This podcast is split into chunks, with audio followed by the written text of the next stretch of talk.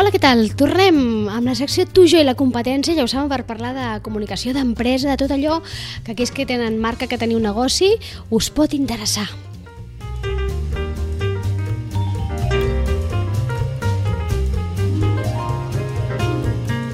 Ja tenim aquí la Sandra, Sandra Carbonell, hola, què tal? Hola, què tal? Benvinguda. I avui anem a parlar d'un tema que um, tots aquells que tinguin negoci propi els ha d'interessar, eh? perquè són claus. Avui parlem de Sí. um, punts claus, que els aniran Sí, bé. Sí. I això la Sandra ho ha tret arran d'un- D'una notícia. d'una notícia que vam llegir a La Vanguardia Mm. i de fet eh, va vinculada a un vídeo, no? a un àudio de, que parla de 10 coses que fan a Silicon Valley Exacte. i que podríem traslladar al nostre negoci aquí. Sí. Diguéssim que um, ha uns, em- bueno, hi ha empreses que investiguen com funcionen aquestes empreses de Silicon Valley, per què?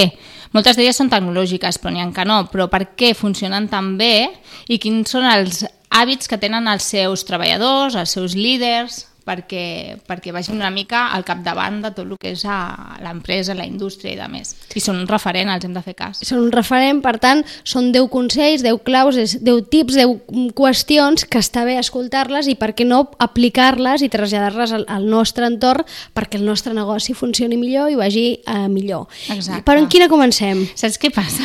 Que jo sempre em porto les coses al nostre terreny. Llavors, aquests 10 tips, diguéssim que per lo que és un comerç local, no funcionen. D'acord. No? Llavors he agafat les que crec que són més interessants. Perfecte, Val? estupendo. Que es poden aplicar perquè tinguis un o mil treballadors, han de ser així d'entrada, de sortida i sempre. D'acord, perfecte. Doncs vinga, per quina comencem? Pues vinga, comencem. En, mira, en aquest estudi, eh, una cosa que deia molt interessant és que la, la gent, l'emprenedor, o sigui, s'ha de fer preguntes. Moltes preguntes. Això en branding també sempre ho diem, no? Qui sóc, a on vaig, on vull estar... I dos conceptes que, que, o dos premisses que utilitzen en aquest estudi és el, el concepte del zoom in i el zoom out. Vale? Us ho explico una mica així perquè entengueu. Ells diuen, pregunta't qui ets, no? Pues, qui sóc? Soc un restaurant, sóc una botiga, no? Eh, D'on vinc? El meu, el meu know-how, no? que sempre havíem Sí. parlat, doncs mira, jo sé d'això i ara ho estic aplicant en, en restauració. I a on vaig? Aquest on vaig és on ens, on ens centrem amb el zoom in i el zoom out. D'acord? Vale? El zoom in què diu? Diu que t'has de plantejar petites accions a molt curt termini per aconseguir grans coses a llarg termini. Molt curt termini, quin curt termini estem parlant? Sis mesos? Sis mesos, un any. Exacte. Pensa, tres accions que podran fer canviar el meu negoci a un any vista. D'acord, d'acord. Zoom out. Ens pot semblar una mica així, jo què sé, on t'estaré d'aquí 20 anys ja, però has de saber on t'agradaria estar. Si tu no et preguntes això, mai podràs fer no? un, un full de ruta i, i arribar-hi.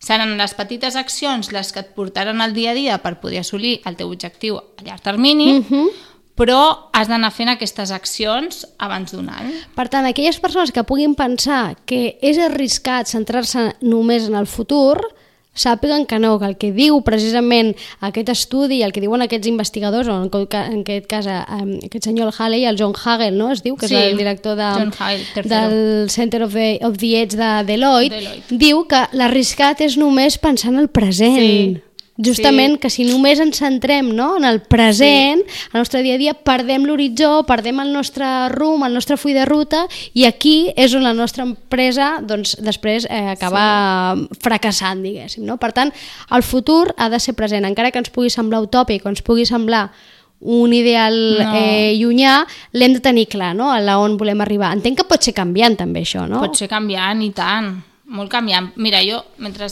preparava una mica el programa d'avui, pensava, "Ah, vaig a buscar un exemple, perquè la gent ho pugui materialitzar, perquè a vegades és difícil, no? Mhm. Però, per exemple, imagina't, sóc un restaurant, aprofito i faig un spoiler. Sí, i Que tant. ara pujant he vist que havien obert un restaurant nou que es diu Bar Rossinyol. Sí, Vale? sí. Pues, bueno, és el mateix noi que té un bar a Barcelona que es diu Vermut, Ah, sí? Verbut, perdó, i està superbé, és un bar així de tapes. I jo, com que sabia que obrien això, vaig pensar, si hagués trucat per, per fer-li una estratègia, què li proposaria? Mhm. no? pues l'he agafat d'exemple. D'acord. No el conec, eh? Però bueno, Bueno, doncs ja li direm, li passarem l'àudio, escolta, mira, quina promoció t'estan fent. sí. Vale, llavors, eh, pensava, soc un restaurant petit de cuina mediterrània, no? D'acord. que és el que he deduït jo que he vist a Instagram. Vale.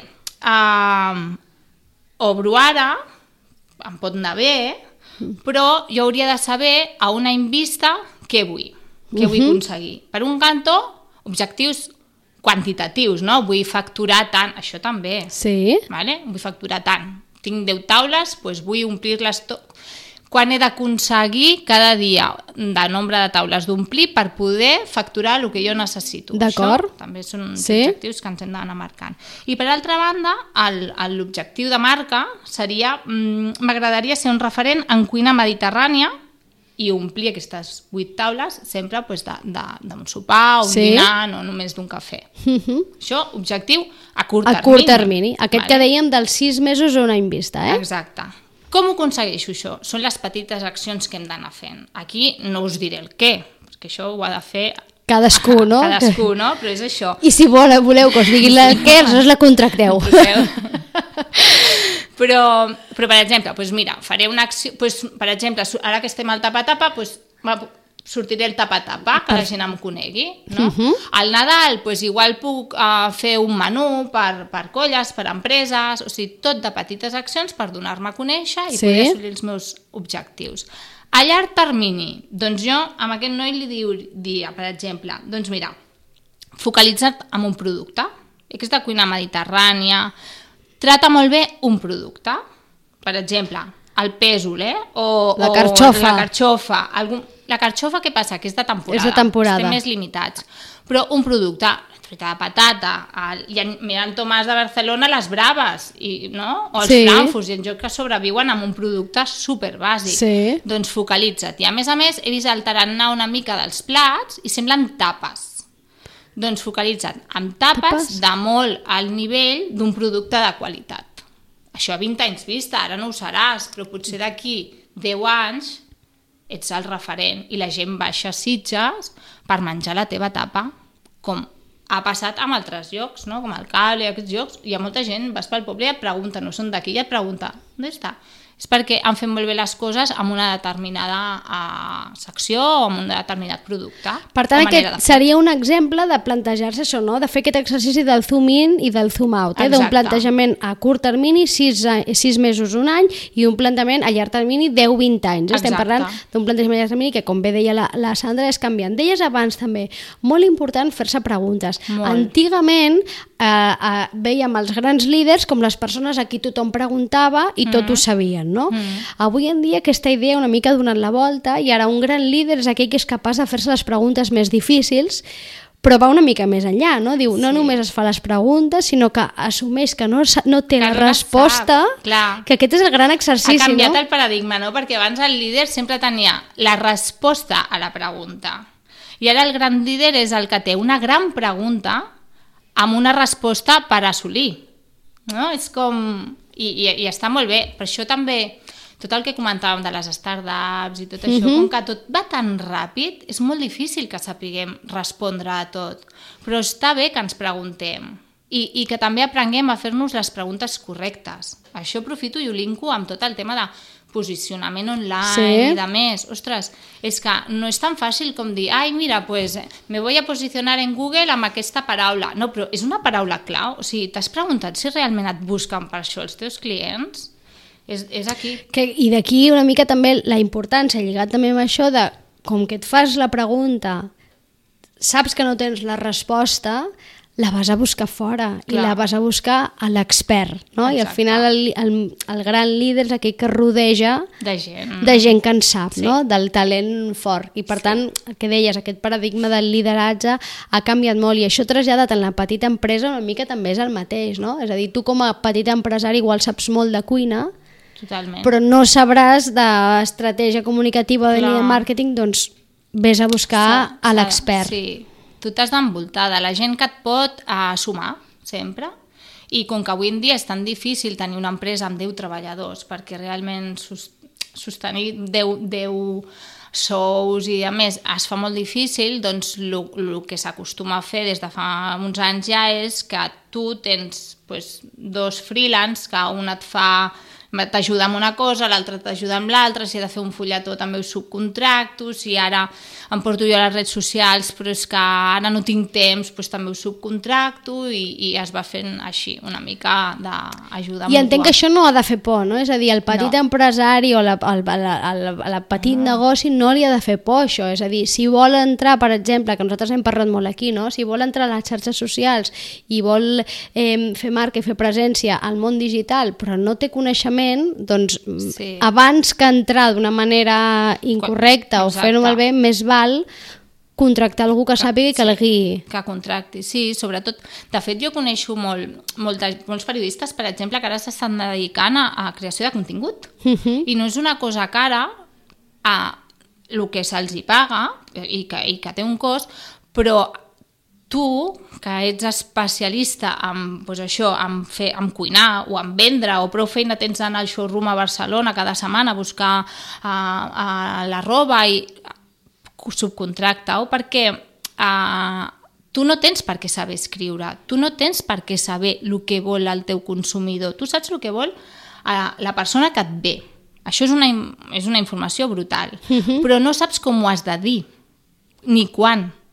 I ara, mira, aprofito i tornem a l'estudi aquest, que deien que realment, o sigui, les mètriques sí. és el que ens donen la informació.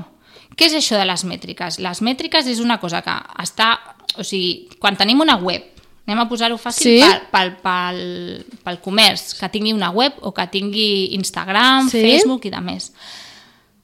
Aquests portals ens donen una informació, fan una analítica i et diu, no? Pues el teu, la gent que et visita, et visita els dilluns, el dia que més et visita, i l'hora a les 3. I han mirat molt aquest post que parlaves de no sé quan. Vale? I això, això és una informació molt valuosa. Molt valuosa, perquè aquell dia que no et va mirar ningú, no cal que pengis res. Clar, és com si tu a la teva web una pàgina que tens penjat eh, 50.000 fotos no la mira ningú i una que un dia vas a escriure que jo abrí mi negocio perquè me, me hacía mucha i expliques la teva vida, tothom se l'ha mirat 10.000 vegades. Pues parla més de tu, escriu perquè la gent vol saber de tu, no les fotos d'un catàleg, no? que podria ser al revés, però has de saber llegir una mica entre línies tot el que t'estan donant els teus suports digitals. I això és una informació que és impagable, que hi ha moltes empreses que el que fan és desxifrar això i dir-te com has de fer les coses i de més, no? Pues, aquestes... Però traslladat al petit negoci, clar, és sí. que un exercici que pots fer tu mateix a, a, a través de les teves xarxes i que sí. probablement no ho fem, no? Tenim el perfil o tenim la nostra presència al web, però després ens oblidem. Sembla com que ja hem fet la feina i la feina la, va molt més enllà. La feina és això, mirar, jo penjo, però lo interessant és mirar de què ha servit perquè si no em serveix de res no val la pena que pengi. I si serveix de molt, em donarà més idea de, doncs mira, vaig per aquí que vaig bé no? I una mica guia aquí i també d'alguna manera ens marca també aquesta estratègia, aquest zoom in que, que per exemple, que, sí. que parlaves abans, no? Això també et pot marcar un objectiu a curt termini o fins i tot clar, a llarg termini. Clar, és això. Amb aquesta, quan jo he dit, per exemple, al restaurant que s'especialitza en un producte sí. concret, és perquè te n'adones que, per exemple, hi ha perfils que pengen, no? De, avui hem portat un llumàntol de no sé on i l'hem preparat, i això la gent li dona molts likes avui us recomano anar al cine a veure no sé què, i no té res, però no estàs parlant de menjar, què més li dona la pel·li que has anat a veure al cine, no? I si és al revés, dius, pues, mira, la gent t'entra al teu perfil perquè li interessa el que fas, més que el que vens. Bueno. T'ha de fer sí. replantejar, sí. no? Clar, igual, igual a algú li passa que quan fa l'estudi mètric, no? la d'estudi de la mètrica, se n'adona que ha de canviar de negoci. Una mica de negoci. que això també pot passar, també, no? M'imagino que ostres, resulta que allò pel que jo apostava, però no passa res, entenc que no això res. també forma part del procés, no? Sí. De donar-te que estaves agafant un camí erroni, no? un camí equivocat i que sí. el, el camí que realment et funciona és un altre. Sí, sí, ara el món de les tecnologies, bueno, sobretot el tema de digital, online i xarxes socials, tot és prova error. O sigui que no es faci gens de por eh, no encertar-la la primera perquè és que ni els professionals no, no tenim veritats absolutes. Constantment canvia molt i, i més enllà de lo que és el dia a dia de portar unes xarxes socials o d'actualitzar una web, eh, el senyor Google o el senyor Facebook i de més també ens posa, ens complica molt l'existència i el que avui funcionava la setmana que ve pot ser que no funcioni perquè ells han decidit que no, que ja no els hi surt a compte. O sigui, que heu d'anar provant. S'ha d'anar provant i avui eh, parlàvem d'aquest estudi, d'aquestes mm. recomanacions, d'aquests punts de, que fan a Silicon Valley, que d'alguna manera diríem que és la meca no? de, del sí. negoci i de tot el que té, és relatiu al, al negoci i al, mm, i al negoci que funciona, no? el negoci mm. d'èxit, i que la Sandra ens ha reduït en aquests punts que hem de tenir en compte i que passen d'entrada per fer-se preguntes, no? Sempre, sí, moltes preguntes. És que mira, yo me apuntaba aquí, ¿por qué existo, no? Mm, és lo prim... Eh, això en el branding, eh? Sí, sí. Perquè no, existo no perquè com a marca, eh? no com a persona. Com a marca. Eh, ho heu de tenir superclar. I aquest valor, que ja sóc molt pesada i sempre ho dic, però aquest valor de marca amb el que veu començar eh, ha, de, ha de perdurar en el temps, perquè és lo autèntic. Ja, ja, feu aquesta pregunta i ho traslladeu als vostres treballadors o als vostres mm, partners, no? els que us estiguin ajudant. I aquesta gent també serà la que d'alguna manera eh, traslladarà a l'altra gent aquests valors de la vostra marca i, i això s'anirà fent com una red. I això és superimportant. Un cop això estigui molt assentat, ja ens hem de dir, vale, i ara, hacia dónde voy? ¿Hacia dónde voy los seis primeros meses? ¿Hacia dónde voy de aquí un año? ¿Hacia dónde voy que ve? És que potser tu fent aquesta pregunta dius, ostres, pues igual que ve m'he de canviar un local més gran, perquè si tot em surt com jo tinc previst, i, i que visualitzem les coses a vegades també va molt bé, eh? doncs, doncs m'he de canviar de lloc. Doncs pues mira, tu has de tenir en compte això, també econòmicament igual ja pots anar fent un racó, o, has, o ja veus el negoci d'una altra manera, perquè si vivim el dia a dia, no evolucionarem. Que era el risc que deia jo abans i que, comenta, i que aquest vídeo eh, eh, l'explica molt sí, bé. Eh? És el la risc... aquesta, lo arriesgado sí, és no pensar a largo plazo. Exacte, no? que el això. major risc és no, és, eh, no centrar-se en el futur. És a dir, justament, probablement a priori seria el contrari, el que pensaríem, doncs no, pensar en el futur és el menys arriscat. L'arriscat és quan et quedes només en el Estancat. present, en el dia a dia, perquè aleshores perds el full de ruta i mm. perds, i perds l'horitzó i al final l'horitzó és molt important en, un, en una empresa en, o en un negoci perquè, mm. clar, ningú comença un negoci pensant només en que et duri un dia, no? no. Tothom comença un negoci perquè tingui sí. una certa durada, més llarga o més curta, però perquè duri. Per tant, sí que és important marcar un, de un full de ruta, no? De fet, jo, ara, això és un cas com personal, no? però el, a, amb el meu marit, que ell té una clínica, eh, ell sempre té objectius a llarg plaç i jo sóc més no, de, de curt termini. termini. Feu l'equilibri, feu sí, l'equilibri. I ell té uns objectius molt clars, però jo l'ajudo a assolir-los a diari, tant que jo marco els objectius de cada dia. És a dir, avui has de facturar tant, avui has de fer tantes visites, avui has de fer per assolir els objectius perquè així es compleixen mensualment i així es compleixen anualment. Si es compleix això, ell assoleix els seus objectius al llarg dels anys, a 5 anys vista que fa. D'acord, és un tàndem fantàstic, escolta, feu molt bon tàndem, home, clar, és un, és un bon equilibri que al final, sí. entenc que en tota empresa al final sí. és necessari aquest equilibri, no? Exacte. I probablement, doncs, mm, quan I jo, jo sóc un partner extern, no? És el que deies tu abans, perquè al final ell està ell sol, però t'has de rodejar de gent que et pugui sumar i que t'ajudi en aquestes tasques. Ens quedem amb aquesta idea, eh? el de fer-se preguntes, mm. no centrar-nos en el present, no. sinó en el futur, i l'altra idea que parlaves, que era la de, la del lideratge, eh? la del rodejar-te del talent i, mm, i amb tranquil·litat saber i assumir que no tenim la resposta de tot no. i que caldrà que, que anem a buscar ajuda per a aquells temes que no controlem, que està bé que els bons líders, o el, no, no sé si els bons, els líders que tenen més èxit, tots aquests de Silicon Valley, ho fan així Sí. Per sí, tant, sí. si ho fan així... Sí, i, és, com, i la gent jove li fa menys por, no? Això és veritat, uh, també. Llavors s'arrisquen més i, uh, i quan ens arrisquem surten coses molt quan bones. Quan ens fem grans ens tornem més porucs. Sí, però bueno, som molt però, joves nosaltres. Nosaltres som super joves. Sandra, moltes gràcies. A tu. Ens veiem en 15 dies. Gràcies. Vinga, fins ara. Adeu.